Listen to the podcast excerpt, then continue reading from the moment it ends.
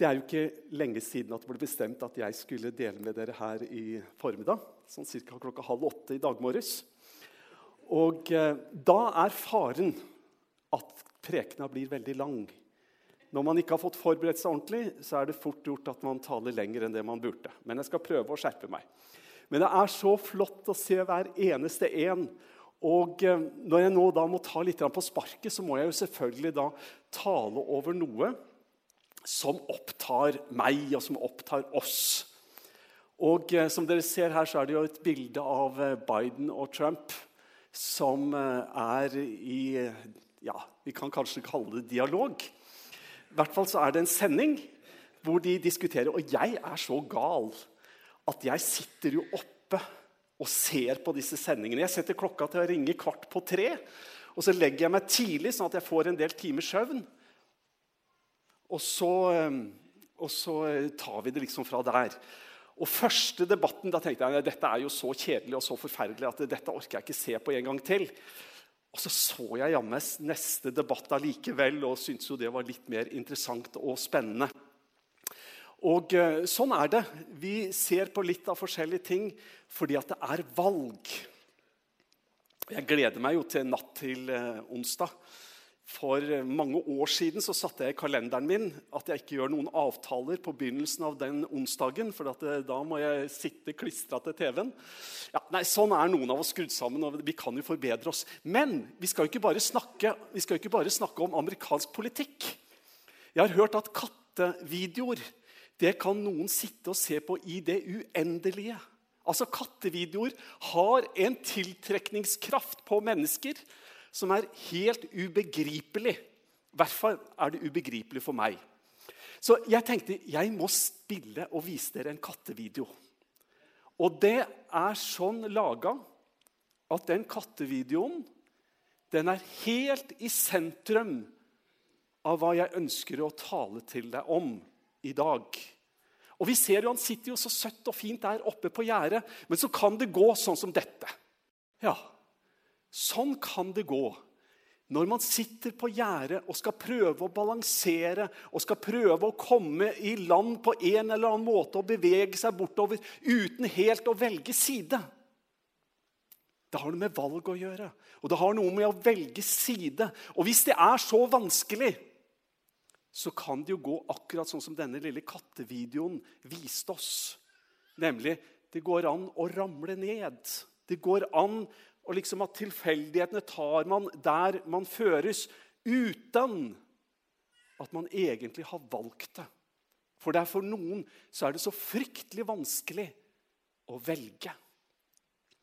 Dette bildet som du ser her, er jo Jens Bjørneboe. Og lite ante han at han kom til å bli vist på, på, en skjerm i et pinselokale så mange år etter at han skrev et spesielt dikt. Eh, jeg er ikke spesielt fotballinteressert i forhold til gjennomsnittet, tror jeg. Men jeg har nå lest en bok som heter 'Godfoten' av Nils Arne Eggen.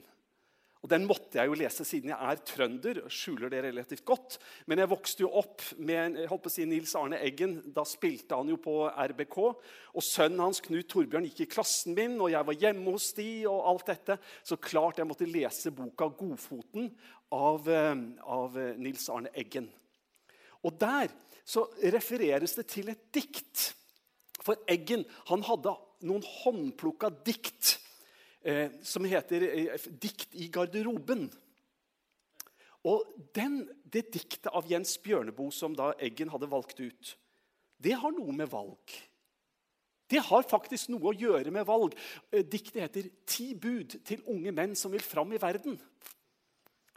Og den sarkasmen den tror jeg virkelig har noe å si til de fleste av oss. Jo, ti bud. Jeg skal ikke ta alle disse ti, men jeg skal ta de fire første. De fire første budene som Jens Bjørneboe skriver om, og som kan være superviktige for oss hvis ikke vi har ryggrad nok til å stå oppreist, men bare har tenkt å ta de valga som kortsiktig kan tenke seg å gi størst gevinst. Jens Bjørnboe han skriver det første bud er ganske lett. De som er flest, har alltid rett. Tenk alltid på hva folk vil si, og ta den sterkestes parti. Og tviler du, så hold deg taus til du ser hvem som får applaus. Tenk nøye ut hva du bør mene. Det kan bli dyrt å stå alene. Og Sånn kunne vi fortsatt og lest de andre budene også. Men Jens Bjørneboe ønska å formidle noe til oss om valg. Det er jo ikke et ukjent tema i bibelsk sammenheng. Dette illustrasjonsbildet her, det er Josva. For Josva han kunne ikke tro hva som hadde skjedd med folket. Israelsfolket. De hadde jo opplevd hvordan Gud hadde ført dem ut fra Egypten. De hadde opplevd hvordan Gud hadde strekt ut sin hånd til frelse. Og så oppdager han nå at de vingler fram og tilbake, vet ikke helt hva de skal tro eller hva de skal mene. Vingler fram og tilbake. En har kjøpt inn Ja, det er jo avguder. Men kanskje de kaller det pyntegjenstander. Og det gjør seg så fint der i huset, og det kan vel ikke være så nøye. Men Josva han syntes visst at det var nøye. Hva har skjedd? En gud ropte vi til i Egypten. Han utfridde oss. Og nå Og så sier Josva, velg i dag hvem dere vil tjene. Enten de gudene som fedrene deres dyrket bortenfor Storelven, eller gudene til amorittene som hadde det landet dere bor i. Jeg og min ett, vi vil tjene Herren, sier Josfa. Og så legger han ut for dem muligheten av å kunne velge. Og viktigheten av å kunne velge. Vi leser om David, lovsangsforfatteren. Han som drømte å bygge et fantastisk lovprisningssenter. De kalte det tempelet. Han som drømte om å bygge dette gudshuset hvor lovprisning og tilbedelse skulle gå opp til Gud som et hellig offer. David, han som selv ga masse inn til dette prosjektet som Salomo skulle gjøre ferdig. David han kaller folket sammen. Så gir han dem en skikkelig utfordring. Og David spør hvem er nå villig til å fylle sine hender med gaver og komme til Herren i dag. Det var det David sa. Han utfordra dem. Dere må bestemme hvordan dere skal prioritere. Dere må bestemme hva dere skal gjøre, dere må bestemme hva dere skal bruke. De midler, de evner, de gaver, det dere er betrodd. Dere må bestemme i dag om dere vil komme med det og innvie det til Herren. Paulus, ikke så lenge etter at Jesus var blitt korsfesta ikke så lenge etter at hele Jerusalem hadde blitt vitne til hans oppstandelse. Så står han og holder sin pinsepreken i den by hvor de alle sammen hadde vært vitne til det som hadde skjedd. Og så preker Peter. Dere korsfesta han. Men Gud, han hadde en frelsesplan. Og Så fortsetter Peter, og så står det Venn om å la dere døpe i Jesu Kristi navn, hver og en av dere, så dere får tilgivelse for syndene, og dere skal få Den hellige ånds gave. Men han utfordrer dem. Venn om. Altså ta et valg. Gjør en beslutning som har en betydning, som er av en helt annen karakter enn et politisk valg eller hva i all verden som vi surrer med, men som har noe med livet vårt å gjøre. Og Peter sier til denne flokken som hadde stått der og ropt 'Korsfest, korsfest' Han sier til disse som hadde stått og sett og hørt det Jesus gjorde og talte. Og så sier han, 'Nå må dere ta imot.' Dere må vende om, dere må be om tilgivelse. Dere må la dere døpe. 3000 mennesker på én dag tar imot og lar seg døpe. Det var en preken med betydning og med, med frukter i seg. Du vet, Man står på mange måter foran en vei. Og det er kanskje ikke alltid at vi ser at det, ved et veikryss at de leder så helt forskjellig retning. Men så er det ofte sånn med valg at det betyr noe. Det, det, er ikke sånn at alle veier fører til Rom. Det er ikke sånn at alle veier fører til samme sted. Det er noen ganger at vi må velge, og at valg får konsekvenser. At ikke det går an å si at 'nei, jeg vil ikke velge', jeg vil bare sitte der på gjerdet og se hvordan det går. Se hvem som får mest applaus. Se hvor det er minst motstand, og velge minste motstands vei. Men vi blir kalt til å ta et valg. Av alle ting jeg leste i en amerikansk greie, tidsskrift eller på nettet, og Der løftes det fram at republikanerne de vil satse denne valgkampen på de tradisjonelle amerikanske verdier og gjøre det til et verdivalg. Og Spørsmålet om verdivalg det tror jeg begge leirer kunne bruke akkurat like helhjerta. Og så får de som skal velge, gjøre seg opp sin egen mening om hva slags verdier de vil satse på. Men det gjentar seg igjen og igjen ved alle valg, også de norske. Det løftes som dette er et verdivalg. Uansett parti så løfter de det fram i tilsynelatende alle land. Dette er et verdivalg. Underforstått de står for de verdiene som er verd å stå for. Verdier. Jeg tenker, Jesus og Peter. Når, når, når Peter kommer til Jesus og sier Åh, du har i hvert fall gjort ett godt valg, Jesus. Du har gjort et kjempevalg når du valgte meg, for da har du fått en som du virkelig kan stole på. Kan være du har gjort mange dårlige valg når jeg ser rundt meg her på alle de andre disiplene, men du har i hvert fall lyktes én gang. Du har gjort et skikkelig valg, Jesus. Du har valgt meg. Og Sånn kan man kanskje tenke. Sånn kan man kanskje tro at det, det var godt Jesus valgte meg.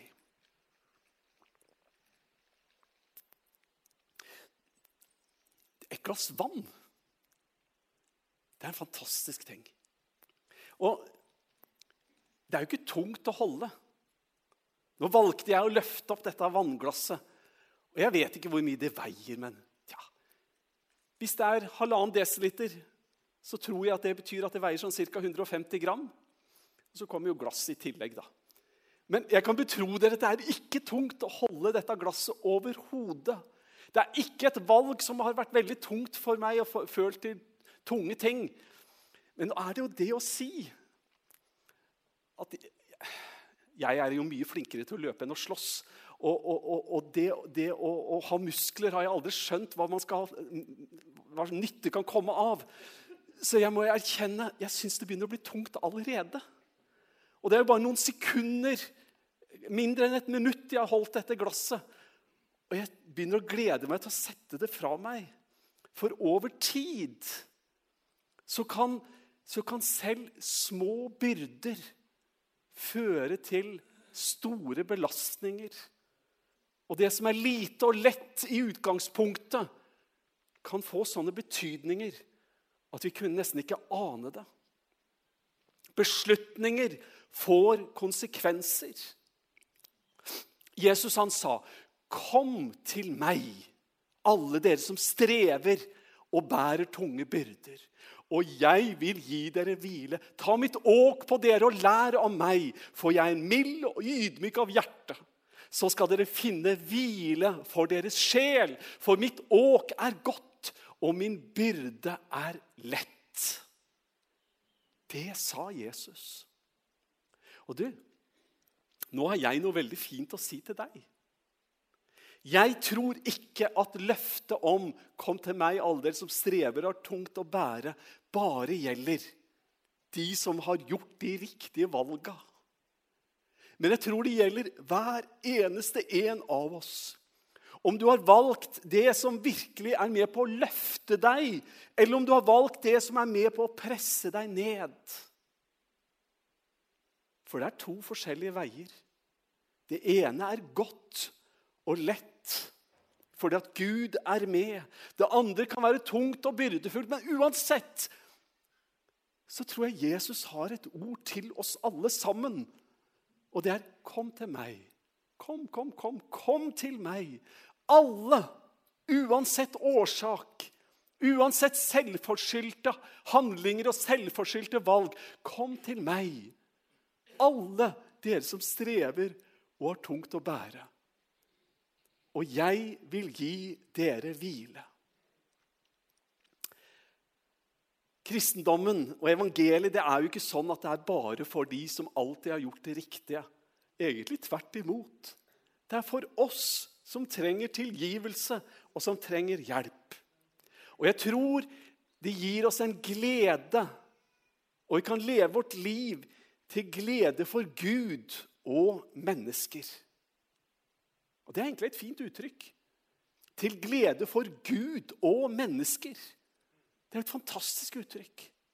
Tenk om du og jeg kan leve vår liv sånn at det, det er til glede for Gud. Det er faktisk ikke noe jeg dikter opp, for Bibelen forteller oss at vi kan leve liv som er til glede for Gud og våre medmennesker. Og jeg tror på mange måter Altså, det er et ord som heter lakmustest. Jeg klarer ikke å beskrive det ordentlig, men jeg vet at det er et, et, et papir. Og så, Hvis du heller på en væske, syre eller noe sånt, så vil fargen som dette papiret får, fortelle om surhetsgraden i den væska som du heller på. Det er noe sånt som det. Det forteller noe om innholdet. Og jeg lurer på om de orda der er på en måte en lakmustest for våre kristne liv? Er vi med og gir noe glede til Gud og våre medmennesker? Betyr det noe? Du vet, Jesus sa i Johannes evangelium kapittel 13.: Et nytt bud gir jeg dere. Dere skal elske hverandre som jeg har elsket dere. Skal dere elske hverandre. Ved dette skal alle forstå at dere er mine disipler, at dere har kjærlighet til hverandre. Kjærlighet til hverandre. Alt og det, er ikke, du vet, disse valgene våre det, er, det, bare, det gjelder ikke bare hvordan vi lever livet våre på søndagene. Det er nok noen som tenker sånn av og til. Men det er å være litt glede for andre mennesker alle dager. Jeg husker Willy Normann fortalte for Det er nokså mange år siden. Han fortalte at når han gikk i butikken du får korrigere meg hvis jeg husker feil. Jeg husker det egentlig nokså godt. Eh, når Willy gikk i butikken, så hadde han vurdert på om han skulle si 'Gud velsigne deg' når han hadde betalt og når han hadde fått varene sine. Men så tenkte han det, sa Willy, at kanskje noen ville oppleve det som nesten sånn litt belastende og kanskje noen snikevangeliserende, og at man hadde en annen agenda. Så han bestemte seg for i stedet å bare si eh, Han skulle si 'tusen takk'. Og eh, at han skulle liksom understreke I, i tillegg, ja. Altså han, I tillegg til å si uh, 'tusen takk', så skulle han understreke 'å ha en god dag'. Og så fortalte Willy om hvordan han uh, registrerte hvordan folk har reagerte. For det var ikke liksom bare når han hadde gått, at han sa 'ha en god dag'. Men han, han liksom så det i øya og sa 'Tusen takk, og ha en god dag'. Og så er han med på å spre lite grann glede og varme og godhet med et lite smil og en liten oppmuntring. Og jeg tenker at Det er et valg man tar. Det er faktisk et valg. Og jeg tror ikke det er sånn som kommer helt naturlig til de fleste av oss. Men det er noe vi kan velge oss. Velge. Det er noe vi kan bestemme oss for. At sånn vil jeg leve livet mine. Nei, livet mitt blir det vel. Det er det kattevideoen med ni liv. Sånn, ja. sånn vil jeg leve livet mitt, og sånn kan vi bestemme oss for å leve livet våre. 3. november. Det er valg i USA. Og så er det ett ord som går igjen i valgkamper generelt. Og det er ordet helhetlig. Helhetlig. Valg påvirker alle sider av livet.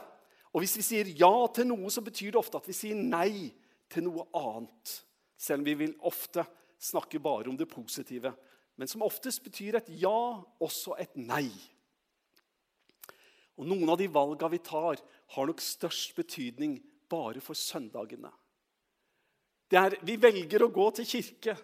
Vi velger å sette oss ned. Og så er det sånn av og til at det, valg betyr bare noe for den dagen. Men dere, det er faktisk en del mennesker, nokså mange, som tar valg som ikke bare betyr noe på søndagene, men som betyr noe for alle de andre dagene. Eh, for ikke så lenge siden på et formiddagstreff så hadde vi besøk av andaktsmusikken. Og det vet kanskje ikke du hva er. Men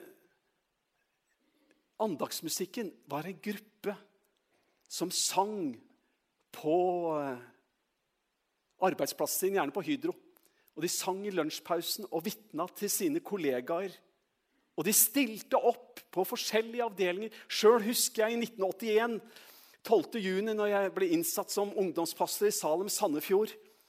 Og eh, begynte å bli med på bedriftsandakter på Jotun. Der folka som jobba på Jotun, tromma sammen sine kollegaer og fikk lov til å stå der i, i lunsjrommet hvor de spiste, kantina. Og, og, jeg fikk lov til å være med og holde en liten andakt. Og jeg tenker, for noe folk! For en frimodighet! Altså, at de ville, og at de turte, og at de orka. Og jeg fylles altså med sånn beundring for sånne mennesker. Nå vet vi at tidene har forandra seg. Og nå hadde du blitt kjeppjaga hvis du bare hadde tenkt tanken, tror jeg.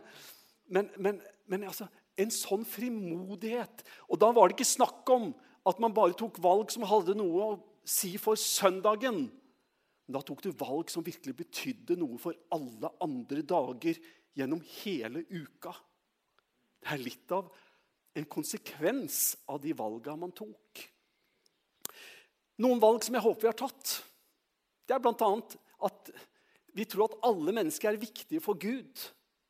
Derfor så tror vi at også at alle mennesker er viktige for oss, uansett.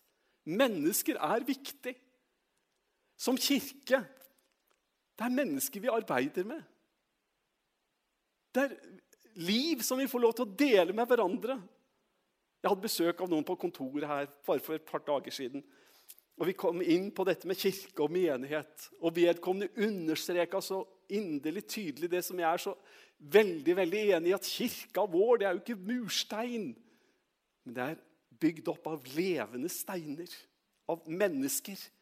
Og Gud synes at alle mennesker er viktig. Og det gjør vi også.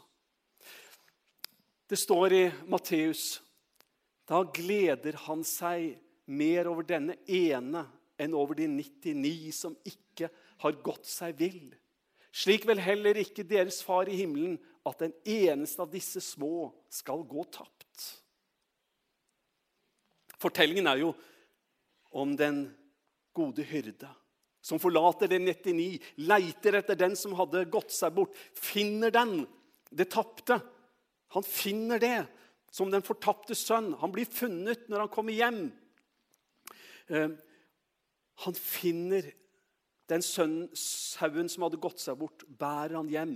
Og vi leser om gleden og jubelen. Og om du har ti barn og 20 barnebarn og 40 oldebarn Jeg er helt overbevist om at du har ikke én å miste. Hvis du tenker at nei, nå har jeg så mange, så det er ikke så farlig, da har du en forferdelig eh, utfordring. Men sånn tenker ikke vi mennesker. Vi har ingen å miste, og Gud har ingen å miste.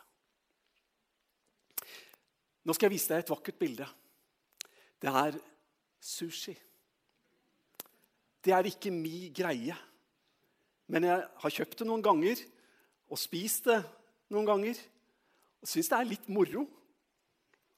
Og eh, spiser det gjerne, men ingenting er som en biff, kjære dere. Sushi er Ja.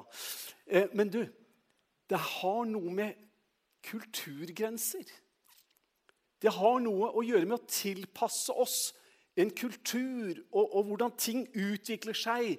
Og det er ikke likegyldig hva vi kommuniserer. Og vår kirke eller vår menighet skal kommunisere med dagens mennesker. Og Da er det av og til at vi må gjøre noen tilpasninger. Det er av og til vi må gå litt ut av et spor. Og så må vi tenke at vi må nå inn til dagens mennesker. Som står i en valgsituasjon hvor på mange måter valget er det samme som for 100 år siden og for 1000 år siden. Men omstendighetene er så helt annerledes. Paulus han skriver i første Korinterbrev, og det står der For jøder har jeg vært som en jøde for å vinne jødene. For dem som er under loven, lever jeg som jeg er under loven, for å vinne dem, enda jeg selv ikke er under loven. For dem som ikke har noen lov, lever jeg som om jeg var uten lov, for å vinne dem, enda jeg ikke er uten lov for Gud, men er bundet av Kristi lov. For de svake er jeg blitt svak for å vinne de svake. For alle er jeg blitt alt, for jeg på alle mulige måter For på alle mulige måter å frelse noen. Det var Paulus' innstilling. Han hadde tatt et valg. Jeg kan være jøde for jøde. Jeg kan være greker for grekerne. Altså, Det er ingen problem. Jeg er tilpasningsdyktig, sier Paulus til en viss grad for at evangeliet skal nå inn. Jeg skal avslutte med å si de fem tingene jeg har nevnt om. Og det er at jeg vil velge å tjene Herren og ikke bli sittende på gjerdet i det uendelige. Vi vil ta et valg. Det er viktig å ta et valg. Jeg og min ett vil tjene Herren, sa Josva. Og det er et valg ikke at vi kan ta et valg på andres vegne, men vi kan ta et valg som får betydning for oss selv og våre nærmeste og om, våre omgivelser. Og valget, det er vi vil tjene Herren. Det er det viktigste valget vi kan ta. Jeg vil tjene Herren. For et valg! Vi vil ta valg som ikke bare betyr noe på søndagene, men som betyr noe alle de andre dagene i uka, som betyr noe for hele vårt liv. Som betyr at vi kunne ha vært med på en sånn bedriftsandakt hvis vi hadde blitt invitert til det, og stått der med trekkspillet og, og, og, og sangene og gitarene. Vi har tatt et valg. Du, vi vil glede, være til glede for Gud og våre medmennesker. Og For å gjøre det så må vi kanskje ta et valg om at vi vil spise sushi. Og At vi vil være villig til å krysse disse kulturgrensene for at det er noe som er viktigere enn at vi bare skal ha det behagelig. For vi har tatt dette valget, som på mange måter oppsummerer det hele. At vi velger, vi vil velge i dag hvem vi vil tjene. Og vi hører utfordringa fra Josva, der han sier til deg og meg ta dette valget nå i dag. Velg i dag hvem dere vil tjene. Han tok et valg for seg og sine, men enhver måtte ta sitt eget personlige valg. Velg i dag hvem dere vil tjene. I Jesu navn. Amen.